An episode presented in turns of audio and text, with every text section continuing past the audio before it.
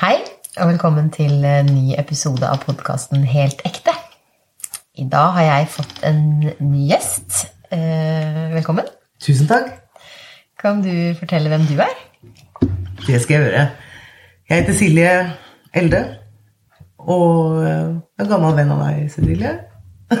Det er veldig veldig hyggelig å Ja. prate litt nå, da. Hvor mange år er det siden? Ja, du nevnte jo at vi hadde møttes et arrangement eh, for ni år siden.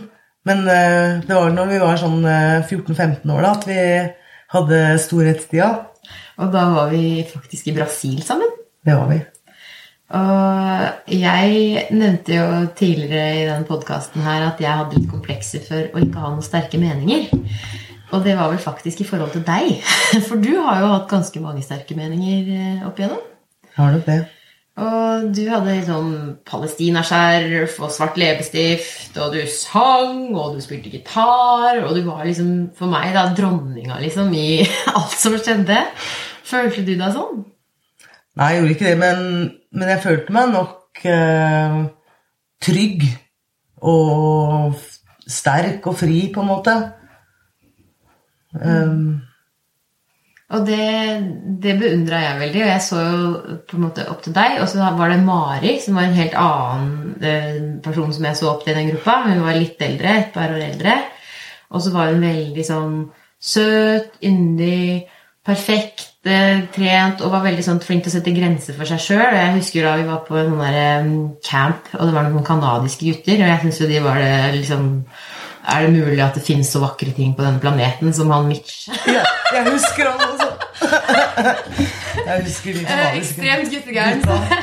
og, og da han ville være kjæreste med Mari, og Mari bare Nei, men jeg er jo ikke forelska. Jeg bare Fuck it! Han er jo bare så flott!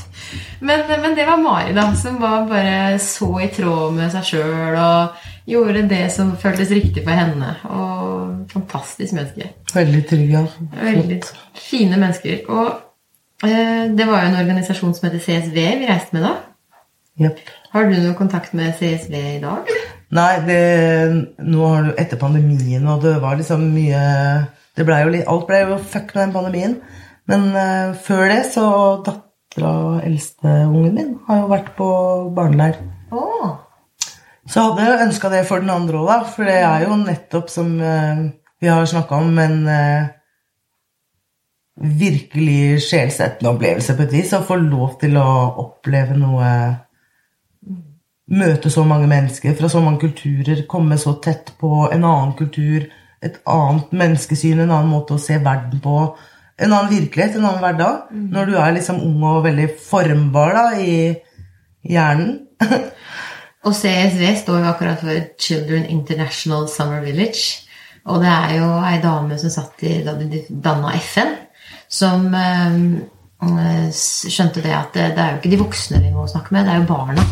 Og hvis barna skjønner at vi kan danne vennskap på tross av nasjoner, eller på, på, på tvers av nasjoner, så vil man jo ikke krige. Fordi da har man toleranse, forståelse eh, og kjærlighet til andre. Og på det prinsippet så ser man jo, lærer man jo så mye, da. Absolutt. Du begynner ikke å krige mot eh, kompisen din, eller Men jeg kjenner jo noen som bor der. De kan jo ikke være så Ja. rare. La meg sjekke dette litt nærmere. Ja. La meg høre med de folka først. Det på en måte bryter ned noen sånne avstandsgrenser, eller sånne Ja. innbilte grenser eller fordommer, da. Og det er jo fremmedfrykt i det hele tatt. Det er jo Alle de som ser annerledes ut enn oss selv, de har vi kanskje på en måte litt sånn frykt for å Ja. skape litt sånn avstand til. Med paliskjerf eller svart leppestift eller Men det er jo det samme. Ja, det var jo det. Det er da eh, vi var en annen kultur. Et annet uttrykk. Du signaliserer noe annet. Du Ja. Og vi, vi var jo veldig forskjellige, og vi blei plassert sammen i en gruppe. Og, det at jeg blei jo kjent med deg og, og observerte jo deg eh, og lurte veldig på hvilke tanker du hadde. Eh, og det var jo lett å få med seg, men det var kanskje ikke så lett å få med seg hvilken tanke jeg hadde. Nei, det var ikke det. Nei. Så eh, det har jo snakka litt om hvordan man kommuniserer. Men jeg syns det var kult når du blei litt mer gæren, da, som du ville at Mari skulle kline med han Mitch og greier. Nei, jeg har eh, Siden det var litt vanskelig for meg å få tak i gutter på den Jeg tror jeg følte at du liksom ikke levde. Skjønner du hva jeg mener? Herregud, lev litt, da. Gjør noe, liksom. Skjønner du hva jeg mener? Bare Ja, for du tenkte det? Ja, jeg lurer på det. Liksom, det er det jeg liksom kjenner. At jeg følte som bare At det bugga meg litt, liksom. Ja. At jeg ville provosere deg. Jeg tror jeg kjente. Ja. Og, og, jeg, Jeg tror det. Jeg ville Ja. provosere deg. og jeg tror det var derfor jeg følte liksom at du, du ikke var slem med meg, men at du bare lurte litt på hva faen jeg driver med. Og, Hvem er du? ja, og jeg tror ikke egentlig jeg har funnet ut hvem jeg er litt før nå, da. Jeg bare Ikke sikkert jeg har funnet ut heller hvem jeg er. Nei. Hvis du skjønner hva jeg mener? Ja. Og det med at man, eh, man ser jo bare sitt eget perspektiv. Ja. Og jeg har jo observert veldig mange mennesker og lurt litt på hvem jeg må være for å tilpasse meg best mulig. Og det har jo jeg klart veldig godt. Ved Mm. at jeg har gjort ting som for andre eh, i Pleaser min- ja, andre. Jeg er blitt innmari god til å please. Ja. Og det med people pleasing er jo noe som jeg håper i personlig utvikling ser som en sånn veldig stor sånn Det skal man jo ikke, fordi det skader jo en sjøl. Har du vært en pleaser på noe vis? Ja, jeg er nok eh, det på mange måter, men også ikke, da. For jeg er så opprørsk eller sånn rebelsk, på en måte. En eller annen sånn Det går jo en faen i meg, liksom. Ikke Så ja, men Nei, men ja, det er jo komplisert, da. Det er jo pleaser jo mora mi, liksom. Skjønner du hva jeg mener? Jeg lider under skammen og skyld og drit og Faders liksom konflikter, på en måte, da. Og Fordi når vi sitter da med vårt eget perspektiv av sannheten, og så tror man at andre skal liksom forstå deg og hva du ønsker, og, og så prøver du å formidle det og bli møtt på en ting. Og så, og så kommer ikke det møtet som man forventer. Og så, og så blir man litt forvirra, og så har man lyst til at den andre skal bli fornøyd. Og så gir man kanskje litt mer av seg sjøl enn man føler er riktig. Og så blir det en sånn drittfølelse. Men pleasing, det er noe dritt? Det er noe dritt. Eh, ja. Bare snakk eh, mer, du. Jeg tror det kommer en hjem her. En time forbi. Oi. Da vi var i Brasil, da, så var vi og så en del som vi ikke så i Norge. Og mm, vi snakka om noen på altså, Vi var og gikk tur på gata. Kunne du fortelle litt? Ja, jeg husker det veldig godt. eh, Herlighet. Vi fikk jo det midt i trynet, liksom. Vi kommer her fra småplasser i Norge, på en måte, og vi kan løpe rundt fra vi er født, på en måte, i trygghet. Og så ser vi unger som ligger, eh, femåringer, under skitne, hullete ulltepper. Det er der de bor, i pappkasser. De der ungene vi snakka med. Liksom, det er helt uh, ufattelig. Jeg husker jeg vi så noen som sov, og så var det et eller annet som ga oss et rundstykke. Og så snudde vi oss, og så kom det en voksen mann og bare tok det rundstykket fra den lille ungen. og det er jo ingen som viser hverandre kjærlighet når man må overleve sjøl. Og Men det er brutalt. det setter jo ting litt sånn i perspektiv her hjemme hvor godt vi har det. Likevel så kan man jo ikke ofre alt man har, og bare gi alt heller. Nei, det har vært kjempekonflikt for meg. For at du husker jo der eh, tyske dama som jobba i den favelaen vi var. Det, det gjorde utrolig sterkt inntrykk på meg. Og hvordan på en måte løft, hjelpe folk til på en måte, altså, Gjennom kunnskap til at sånn kan vi gjøre, sånn kan vi leve. Og det måtte heve levestandarden, lage seg jobber, få et bedre liv. Det er jo utrolig Ja, for hun, sånn hjerteskjærende nesten. gikk inn i en favela, og så lagde hun både en barnehage, sånn at de kunne faktisk jobbe. De lagde en papirfabrikk der de lagde bøker som de kunne selge, og de fant gamle Bakeri. møbler og Ja. Noen sånn derre liten legevakt og ja så Det var lagde et lite samfunn ja, og, i den slummen. ja. Så jeg tenker liksom, ok, er det det jeg skal gjøre? Er det dit jeg skal? på en måte? Det, skal jeg sitte her? Jeg syns det var skikkelig tøft å komme tilbake igjen hit, til Norge etterpå. Og satt her liksom som eh, 16-åring og bare Fy faen, skal jeg leve i de greiene her? Hvor alle bare er opptatt av å tjene penger og bli arkitekter og siviløkonomer og gudene vet hva. Sånne derre businessnisser. Jeg skjønner liksom ikke hva er det vi driver med. Nei. Men, Men så var det vel liksom på en eller annen sted på veien at en kjenner liksom at det At det, det Kanskje ikke det jeg skal, da. Det var riktig for noen andre, men men du, da kan jeg hjelpe noen. da. Hva er det jeg kan gjøre, liksom? og hva er begynte du da å tenke på Du ble jo skuespiller, men Ja, for det det, det? ville jeg nok liksom allerede, da. Så det var jo en del av planen. Men eh, jeg tror nok at eh, At jeg også på den der, i den der ungdomstida liksom jeg, opp, jeg var jo veldig opptatt av politikk, jeg var jo opptatt av musikk, jeg var opptatt av Jeg var ekstremt opptatt av rettferdighet og ikke sant sånn. Men eh, eh,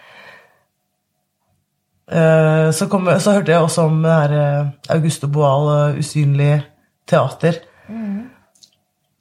Som på en måte det å provosere folk gjennom kunst, det å på en måte få Provosere fram eh, reaksjoner, eller få folk til å tenke, da, få folk til å oppleve ting. Det appellerte jo til meg. Og tenke liksom å Ja. Og det er jo veldig artig, for du fortalte meg en historie om pappaen din. Og hvordan han gjorde noe som du opplevde som veldig, veldig urettferdig.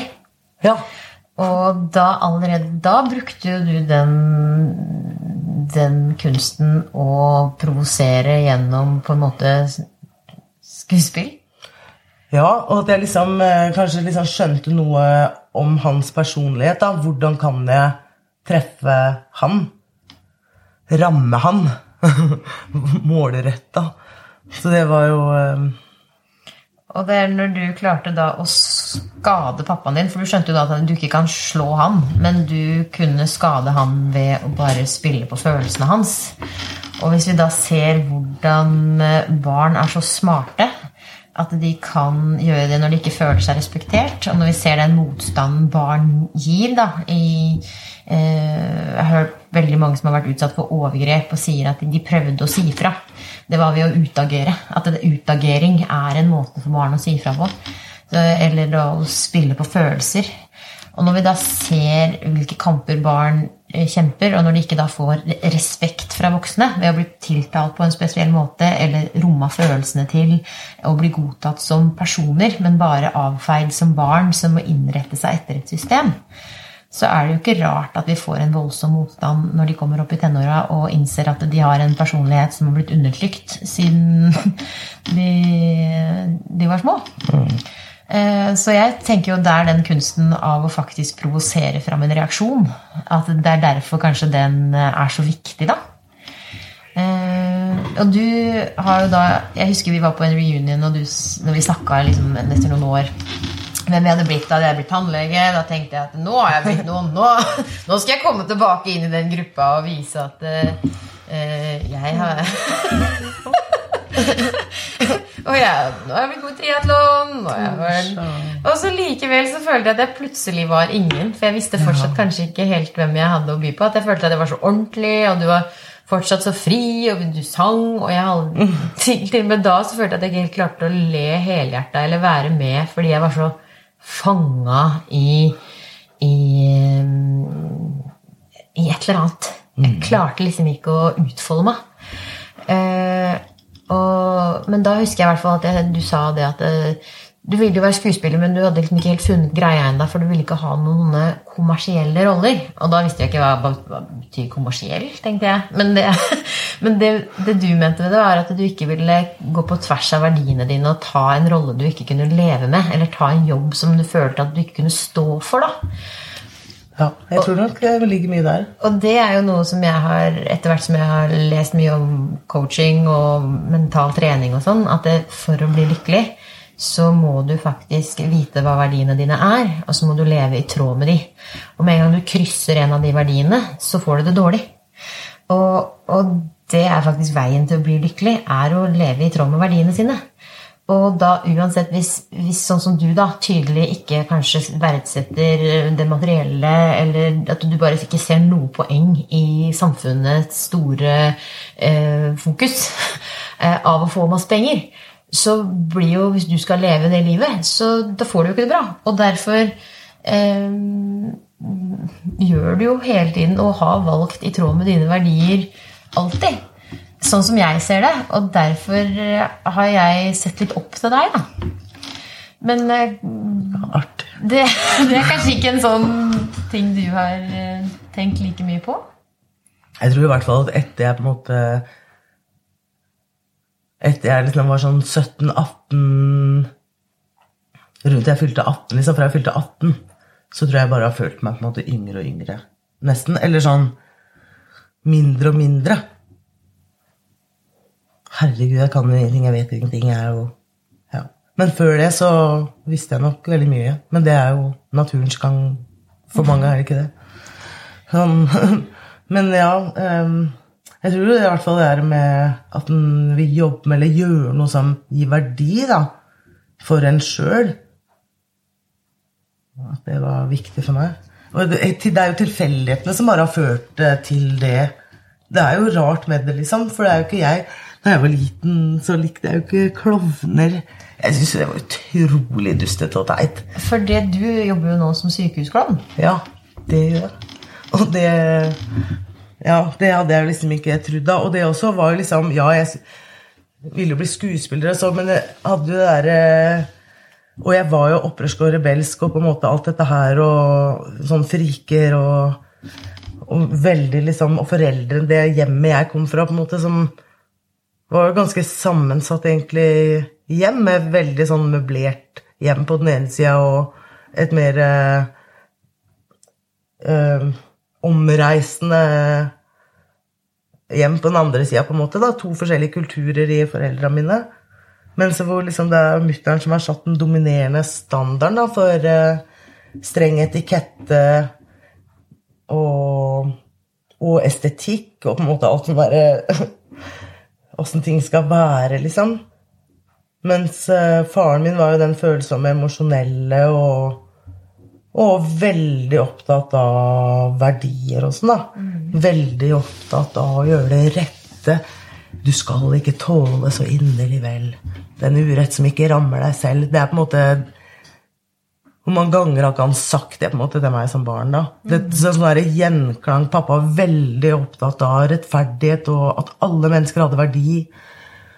Og han hadde en bror som ble psykisk utviklingshemma som barn, fordi de hadde, de hadde ikke råd til medisiner, han hadde feber og sånn. Um, så han tok seg veldig av han, og jeg vokste opp med han mye, da. Var mye med onkel Guttorm. Og mm, var veldig glad i han og god venn med han. Og mange av de han, beboerne han levde med, på en måte, da, i bolig og sånn, kjente de og Jeg tror på en måte det også er med på å forme deg da, som menneske, på en måte, at du ser annerledeshet du ser at annerledes er bra. da. Du ser at annerledes har verdi. At det er et, et, en annen vinkel på ting. Eller, og også det med omsorg, at noen trenger omsorg, eller sånne ting. Og så er jo det artig at jeg sitter og sier det, for det er jo nettopp to ting som jeg føler at det er verd, Eller egenskaper jeg egentlig ikke innehar. Nettopp at jeg ikke er en omsorgsperson, eller egentlig så veldig tolerant, egentlig, da.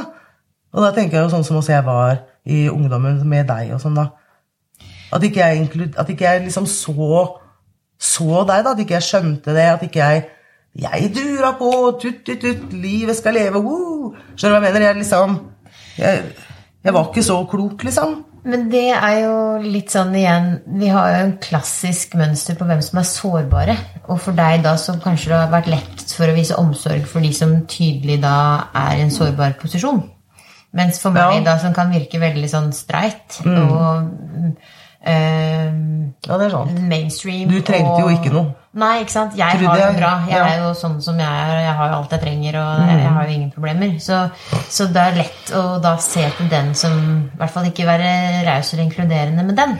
Mm. Og, og, det har jo vært litt målet mitt med å åpne opp uh, for hvor jeg har sett Hørt mange ganger ja, men du har det jo så enkelt, eller du får jo til alt, og så sitter jeg her frynsete som bare det fordi jeg har mange ting som jeg sliter med. At jeg ikke klarer å slappe av, jeg klarer ikke å la være å tenke.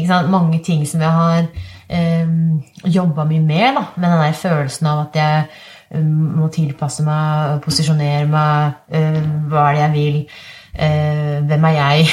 Mange sånne ting. Uh, og det er det uh, så mange som jeg liksom som fighter den der sårbares kamp, som tar de svakes parti, som tar liksom den kampen. Og så er det helt greit å kritisere de med vaffeljakker og de snobbene som går og skjuler seg bak en fasade. Mens jeg er sånn, ja, men hva med de som skjuler seg bak en fasade? Hvilke traumer er det de har som gjør at den fasaden er så viktig? Kanskje de sliter vel så mye. Ja. Og når vi snakker om kokain og vi snakker om rus, og det er jo tydelig de der som sliter på gata og er lavest, som har tydelige rusproblemer. Men det er jo en hel haug med folk med rusproblemer og som sliter, og som har vellykka i gåseøyne liv, men som sliter med så sykt mye personlig issues. Og det er derfor jeg mener at vi er bare mennesker uansett om det ser ut som vi, ser ut som vi er svake, eller om vi ser ut som vi har alt av materielle ting. Mens det er jo det som blir tydeligere nå i de dagene her når vi snakker om hva som faktisk betyr noe. At alle søker jo naturen. Alle søker liksom det nære. Alle søker hva som faktisk skal til for at vi skal være lykkelige. Ja, å bli sett, da. Ja. Vi vil bli sett. Ja. Alle trenger å bli sett. Ja. Tas på alvor. Ja. Og bli Og trudd ja. og lytta til. Ja. Og liksom Ok, er det sånn du ser det? Er det det Ja. du opplever? For det er liksom eh, Ja, en antar så mye om Mm. andre, og jeg skjønner at hjernen er liksom lagd sånn at vi er nødt til å anta ting for å i det hele tatt kunne liksom Mm. komme oss gjennom dagen, da. Men eh, allikevel så antar vi liksom litt mye, da. Og det eh, Jeg er jo veldig glad i å lese, da. Og så er det en bok som heter 'Thinking Fast and Slow'.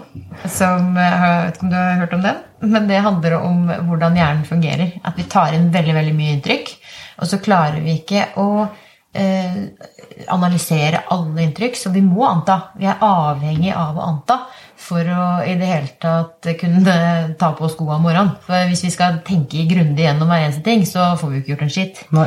Så, så derfor, når vi ser et surt ansikt, så antar vi at den er slem. personen. Ja. Og uh, istedenfor å gruble, da, sånn som kanskje jeg, hva er det den personen har gått gjennom i dag?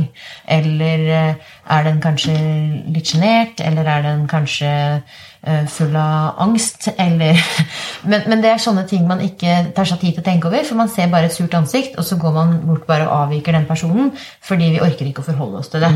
For vi har så mange andre ting som er viktige den dagen. Så det er liksom det der thinking fast and slow med hvilke vurderinger vi tar, og hva vi er avhengig av. Og da ligger det jo igjen på en måte i det i oss hva vi tror er viktig i samfunnet. Hva er forventa av oss. Og da er det sånn Jeg har ikke tid til å Jeg kan ikke bruke tid på å liksom stoppe opp og tenke om Er du litt lei deg, eller har du sovet dårlig, eller burde jeg spørre åssen det gikk på det møtet i går? Og det er jo nettopp det vi burde. Vi må ta oss den tida. Jeg skjønner ikke hvorfor liksom Hvem er det som har bestemt at tilstedeværelse og menneskelig kontakt ikke har verdi. Hvem er det som har bestemt det? Bare fordi du ikke kan veie det, og at ikke det kan vokse?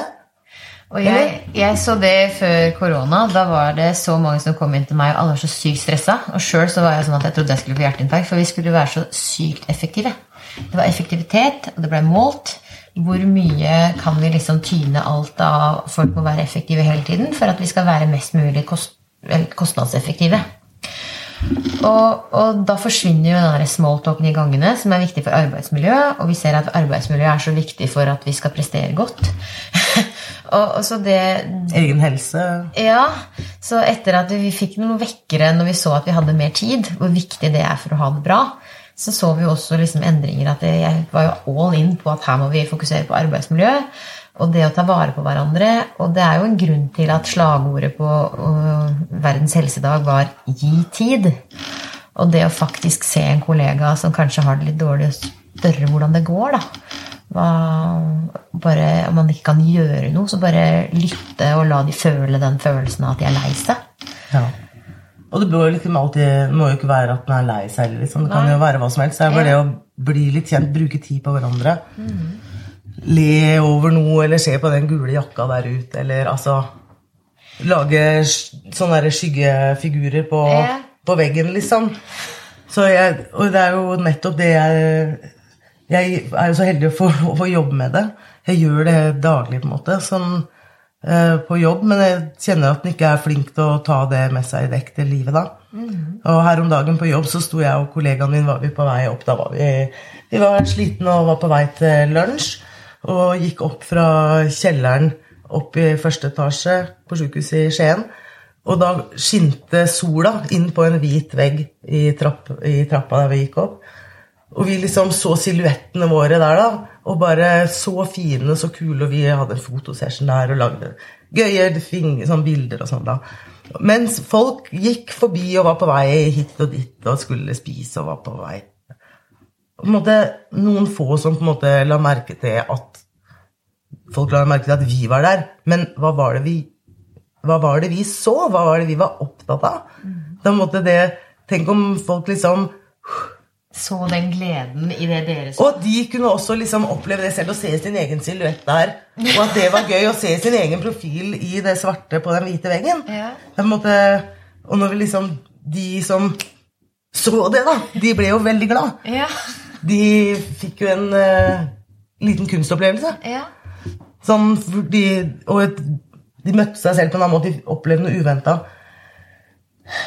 Jo Vi tar oss lite tid da i hverdagen til å se vakre ting, til å stoppe opp og puste, til å Men det er jo det med fokus. se hverandre. Det å se både løsninger og det å se hverdagen og hva du velger å se. Ja. Og det kan jo igjen fra å føle seg litt som et offer, som jeg kanskje følte meg noen ganger da jeg var liten, mm, eh, til å faktisk se at du har en enorm styrke hvis du bare tar valg og er litt sånn proaktiv for å få det bra. Mm. og fra før, når jeg da ikke visste helt hva jeg ville, så kunne jeg fort bli sånn deprimert av å se utover det fine vannet der jeg bor, og så se at havet dør. Og så kunne jeg liksom Verden er bare kjip. Eh, eh, hva er det vi kan gjøre, liksom?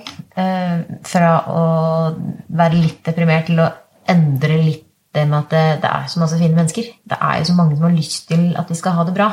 Det er jo så mange som gjør så mye fint for andre. Og det er jo liksom sånn, akkurat som du da så det der morsomme med det skyggebildet som kanskje da Men det er bare å endre fokus til noe som kan være litt fint. da. Altså Hvis vi klarer å gjøre det, så eh, For det er mye fint. det er jo Og livet Jeg var jo på en sånn eh, Møtte en sånn guru som kom til Oslo fra India. Og han var så utrolig fin. Han var så utrolig jordnær. Eh, Gurudev Ravi Shankar. Favorittguru. og, og han var sånn uh, Ja, jeg ser bare tiden som en sånn elv. Og av alle de to millioner av år vi mennesker har levd på planeten, så har det kanskje vært fred i 200 av de.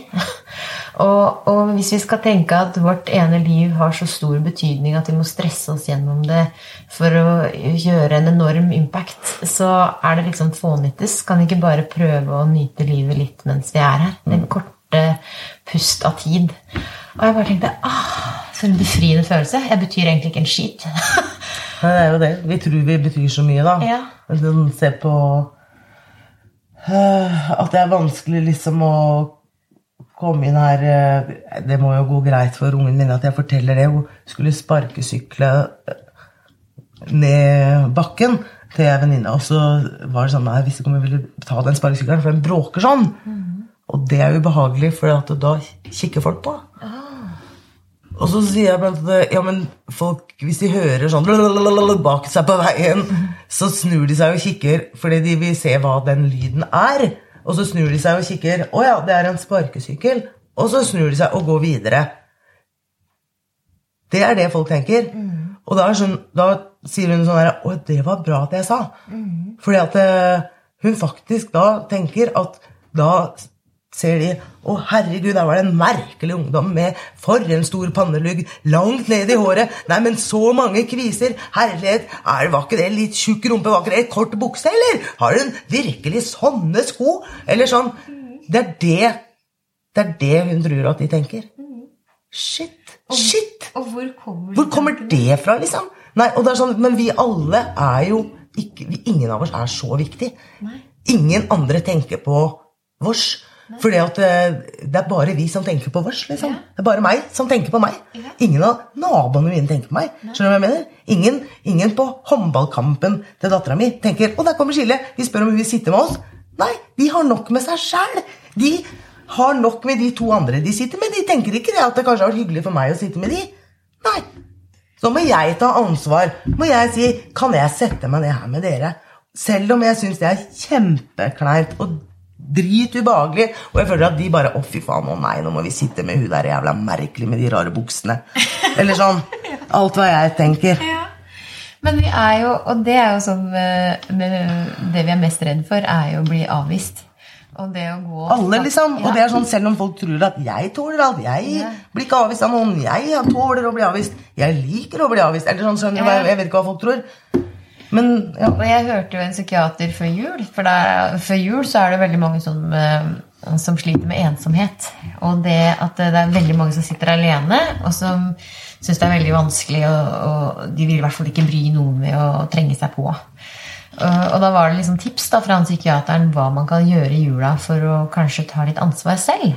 Fordi det å invitere noen hjem det kan man, i, Norge, I Norge så er vi veldig sånn på at vi, vi gir personal space. Vi respekterer din sfære, og så har jeg min sfære her. Så det er mange som kanskje syns det er vanskelig å invitere hjem. For de syns det er ubehagelig når folk føler kanskje at de må si ja, eller sier nei. Eller det er mange ubehageligheter i det å invitere noen hjem på julaften. Forferdelig skummelt. Ja. Og så samtidig da, så, så sier jo de som er invitert, hvis de kan spørre om å komme hjem til noen, så får de kanskje nei. Og det er jo dritskummelt og kleint, og det er så mye følelser i det. Men så var han psykiateren på at ja, men, men skal du istedenfor å rulle deg rundt i den offerrollen av at du er ensom, kanskje ta noe ansvar sjøl, da? For å spørre om å få innpass. Og da må du tåle et nei, men likevel så har du i hvert fall prøvd. Da har du i hvert fall gjort noe. Og de fleste vil vel egentlig inkludere, hvis de bare skjønner hva folk står i. Hvis de kan fortelle Ja. litt om hvordan de har det. Det er det. For de fleste er ganske greie. Ja. Men eh, vi kan ikke vite det vi ikke vet. Nei. Jeg kan ikke vite hva du tenker. Du kan ikke vite åssen jeg har det hvis ikke du spør. Nei, Så vi burde spørre mer. vi burde Ja, vi burde spørre mer. Odd Børresen sier det jo. Man kan alltid spørre. Og det kan man. Man kan alltid spørre. Og det å bare si det som Er det noe jeg kan gjøre? Ja. Hva er det mest betydningsfulle ved å jobbe som sykehusklovn, da? Ja, det er jo sjokk mye, selvfølgelig. Det er jo så mange lag i den uh, jobben, uh, det yrket. Uh, både liksom for meg personlig, og det er så mange ringer. Det er Jeg syns det er virkelig fantastisk å kunne få lov til å, å bidra på en eller annen måte til å på en måte gjøre noe med sinnstilstanden til folk. det er egentlig det. At, eh, og jeg syns på en måte Sånn jeg observerer kollegaene mine da, som eh, går gjennom Og det kan være så enkelt som at, at klovnene går gjennom en korridor hvor det sitter folk og venter, eller og så ser du disse menneskene som er sånn på vei til den røntgenundersøkelsen og skal få svar, kanskje snart får de svar på den der smerten de har, eller den Er det kreft, dette her? Eller å, jeg gruer meg til skal jeg i narkose. Det er jo bivirkninger, det er, jo farlige greier. Åh, voksne folk. Jeg gruer meg sjøl hvis jeg skal på sykehus. Liksom. Jeg er kjempeusikker. Kjemperedd. Uh, og så er man voksen og skal 'Dette fikser jeg'. Og så man har liksom den der rollen man der spiller liksom Ja, åh, gud. Så man er jo allerede sånn veldig anspent. Bærer så mye. Og det å på en måte den eh, Som, som klovn så nettopp det at eh, det er veldig uventa å treffe en klovn på et sykehus det er ganske skrudd. Um, så det i seg sjøl er jo noe som gjør noe med hjernen din umiddelbart. Det er noe som ikke stemmer her. Finn fem feil. Det her var veldig rart. Um, og så er jo uh, Selv om ikke vi i Norge har noen sånn lang historisk tradisjon med klovn og klovnerollen, som de jo har i Frankrike eller Italia eller sånn, så um, så kjenner vi jo igjen denne eh, På et vis essensen av hva klovens vesen eh, kan inneha, da. Um, Og det er jo så mye. Som, og det er jo nettopp det som jeg syns er så kult med klovn, som jeg eh, har oppdaga i voksen alder, da, som ikke jeg visste som barn. Men at klovn er så mye. Og, eh, og som sykehusklovn så, så, er jo på en måte Og klovn er jo Det er jo en forlengelse av meg. Det er jo bare en mer ekstrem versjon av meg. Og i tillegg så har jeg på en måte veldig mange Du har på en måte den eh, rituelle klovnen fra naturreligioner. Du har narren, hoffnarren. Du har mer som Loke i norrøn mytologi, den iscenesetteren, den som får ting til å skje.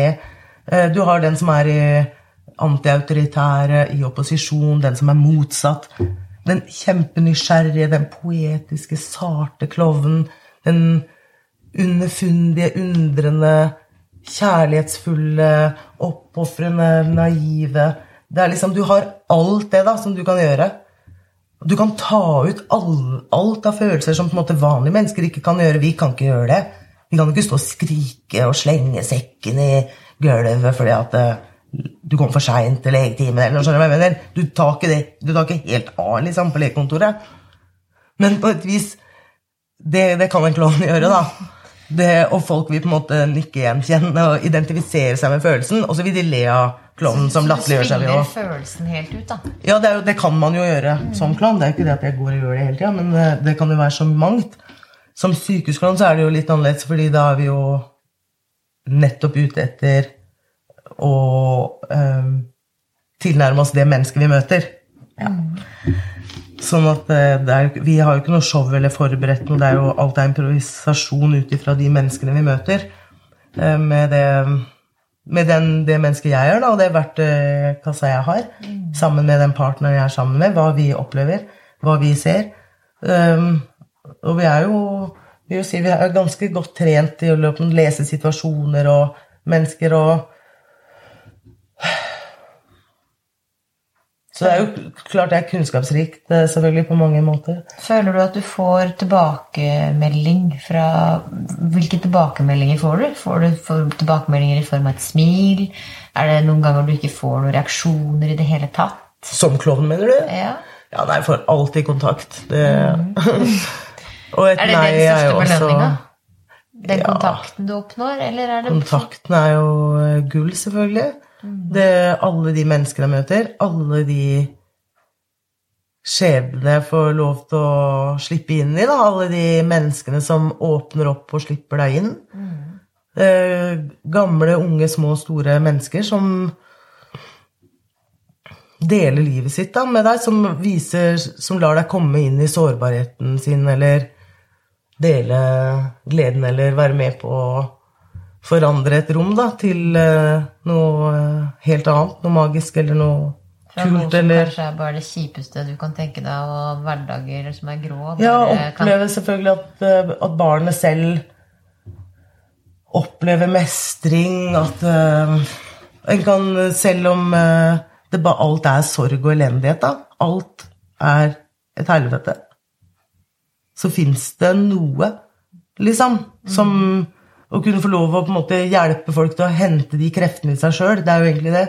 det at folk liksom, For det er, jo, det er jo ikke jeg som gjør noe. Det er, jeg tror det er en stor sånn misoppfatning om egentlig sykehusklovner på et vis. Det er ikke det at vi går og på en måte gir noe, gjør noe. Det er jo folka som gjør det sjøl.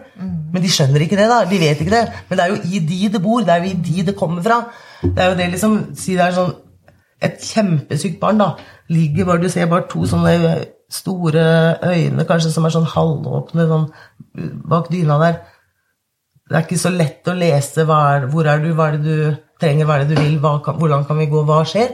Og så ser du det er sånn, det er liv i en tå, da. Helt annet. Og så kan klovner bli redde, for det er et dyr under dyna. Ikke sant? Mhm. For klovnen ser jo verden på en annen måte. Og kan, verden kan være så mangt. Akkurat hva jeg som skuespiller trenger at klovnen min er i dette øyeblikket.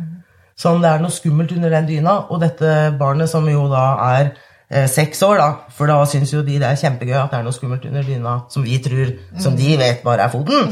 Ja. Det er ikke så gøy for en 15-åring. Eller sånn, det kan det også være, men, men ja. Det er eh, gull. Jeg husker jo mitt første møte med sykehusklovnene fra jeg er med i Lady Circle.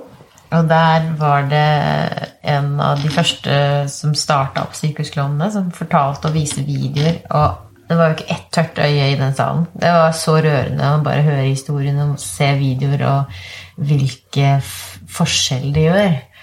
Og siden den gang Og det, det er jo også sånn at sykehusklovnene er jo bare eh, lønna av at folk gir penger. Det er en ren Ja, i, all, I stor grad, ja. I aller høyeste grad så er det det. For det har vel ikke så mye annet sånn faste inntekter enn at folk støtter? Nei, det er ikke noe Nå har vi mista veldig mye sånn fast, forutsigbar inntekt også, så det har ganske vært vanskelig nå etter pandemien. Vi ser jo at det er Alle sliter, da. Det er jo det. Alle sliter. Jeg skulle jo personlig Nå er jeg sikkert ikke, Det er ikke policyen til organisasjonen, men jeg tenker jo at det er jo et Hva er det man ønsker i samfunnet, da? Hva er det man ønsker? Og jeg ser jo for for oss å skulle på en måte be sykehus om penger. Skal vi, bli, skal vi gå inn og være en del av helsetilbudet? Men vårt perspektiv er jo nettopp gjennom en kunstnerisk tilnærming så kan man berøre mennesker på en annen måte enn jeg kan gjennom å være en klinisk helsearbeider. Det, det finnes jo fysioterapeuter og sosionomer som er fantastisk lekende og morsomme og klarer å avlede, klarer å få folk til å slappe av, klarer å trygge en familie. Alt det vi også gjør. Så det er jo ikke det. det er ikke, så hva er det som skiller oss fra de? Det Det er jo kunst. nettopp kunsten, ja, det kunstneriske perspektivet. Klovnens blikk. Som forløser krefter på en nettopp annen måte, da. Eh, Jeg som klovn, jeg kan jo liksom eh, holde igjen en unge med cerebral parese i en hinderløype, fordi jeg vil vinne på en måte innafor rimelighetens grense, men på en måte ehm, Det kan ikke fysioterapeuten gjøre, da. Vi har andre roller. Ja. Jeg, kan, jeg kan stå bak eh, overlegen og si- sånn herre Sånn gjøre sånn himle med øynene og si at han jabber mye, liksom. Mens ehm, det kan ikke sykepleierne gjøre, eller det kan ikke fysioterapeuten gjøre. skjønner du hva jeg mener? Vi kan, vi har, og vi, vi har ikke noe ansvar for helsa di.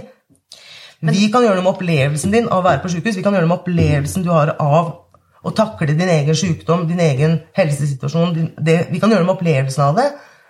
Ehm, men vi kan jo ikke fikse hjernetumoren din. Og det jeg syns egentlig er så fint med Sykehusklovnene, at de har klart å overleve så lenge på den støtten. At folk faktisk ser fantastisk. at det har en verdi.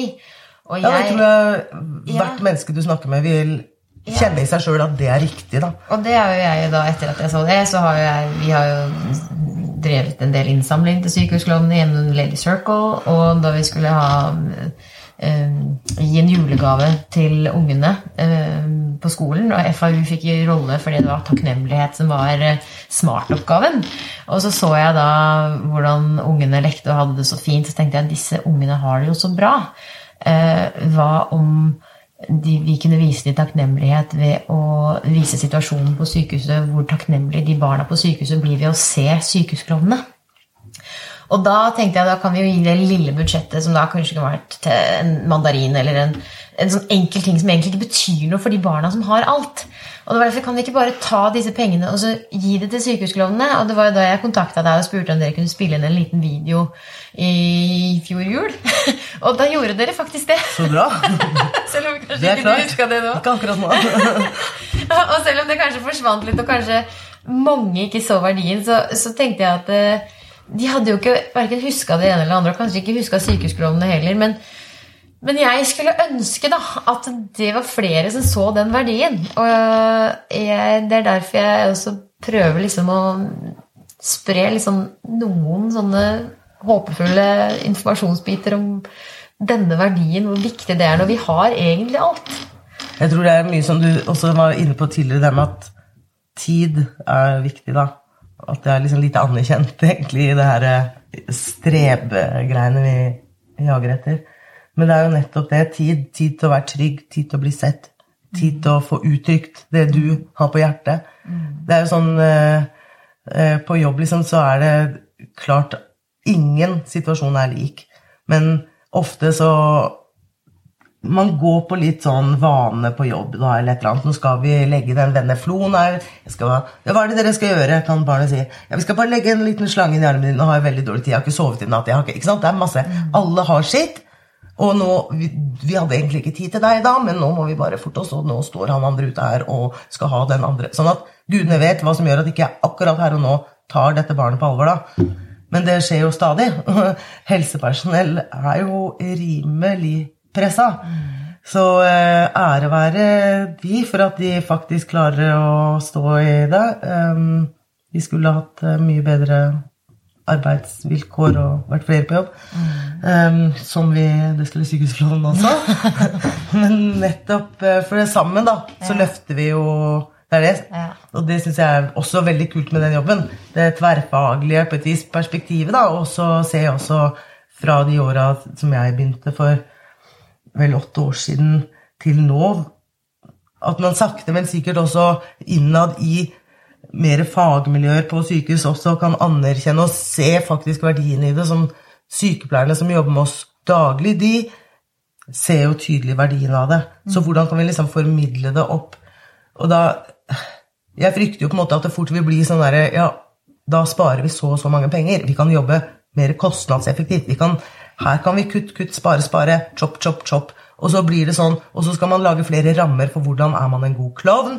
Jo, da skal man være sånn og sånn og sånn og sånn. Så mister man friheten, finfølelsen, den personlige tilnærmingen. Og det er jo nettopp det liksom, jeg tenker det er sånn lærerne har det. Det er sånn alle har det. Vi kan ikke skal alle gå inn i en sånn Så med en gang vi lager roller og Definerer oppskrifter, oppskrifter, ja. så ødelegger vi jo det autentiske. Lager regler. Det organiske det blir jo ikke organisk lenger. Det er ikke ekte. Det skjer ikke på ekte. Du, og vi, for vi mennesker vi er sånn Å ja, nå har det stått at det er sånn. Da er det sånn. Da må jeg være sånn. Og det er sånn da, Og så oppfører jeg meg på en eller annen måte, selv om jeg egentlig går på da akkord med meg sjøl. Jeg kjenner at dette er jo egentlig feil. Men det er jo det jeg har fått beskjed om. Og det er jo som du sa, så vi snakka om litt tidligere, at du har lest ganske mye opp igjennom i akademisk, så har du lært veldig mye. Men du har ikke skjønt det før du har levd det. Og, og alle disse tingene som vi lærer, kan vi ikke bare leve det og la Ja. og faktisk Utforske det, Ja. utvikle det, utforske det, og snakke sammen. Være sammen, bruke tid sammen. Det er så undervurdert, den derre uformelle tida. Og det er jo eh, sånn etter at jeg har lest den boka om Helt deg av Øystein Pettersen, og det å være eh, faktisk eh, leve i tråd med verdiene, da. Og hvis vi kan ha et sånt verdiskifte, at vi ser at noen, for noen så er det å være kostnadseffektiv og tenke på økonomi en veldig sterk verdi. Det er trygghet, effektivitet. Det er noen for at vi skal tjene penger i samfunnet og for at samfunnet skal gå rundt, så er det noen som må få lov til å være der. Og takk Gud for at noen er sånn, for ellers så hadde vi jo ingen hatt noe å leve av. Mens hvis vi også kan se da at det er mange som har andre verdier, som kan også bli tatt like stor deltatt på alvor, som også kan bidra til å lage et mer dynamisk samfunn der flere kan liksom være fri, da. Det er jo det jeg drømmer om. Det er jo det jeg syns er spennende, fordi vi trenger alle. Helt enig, vi trenger absolutt alle. Og det er så mange følsomme mennesker som svinner hen i samfunnet fordi de ikke har en funksjon. De har ikke en verdi i den standarden som vi ser. Og de, det er mange av de som faller utenfor, og jeg møter mange av de eh, ofte. Og jeg også ser det der med å gi tid, være nysgjerrig for å danne den relasjonen, sånn at jeg kan hjelpe de på best mulig måte. At det er det viktigste vi gjør. Ikke sant? Så eh, jeg tror vi eh, bare runder av her. Fordi, og med tanke på at eh, å gi tid, Mm. det er noe av det fineste vi kan gjøre. Gi hverandre tid. Tusen takk for praten. Sjøl takk.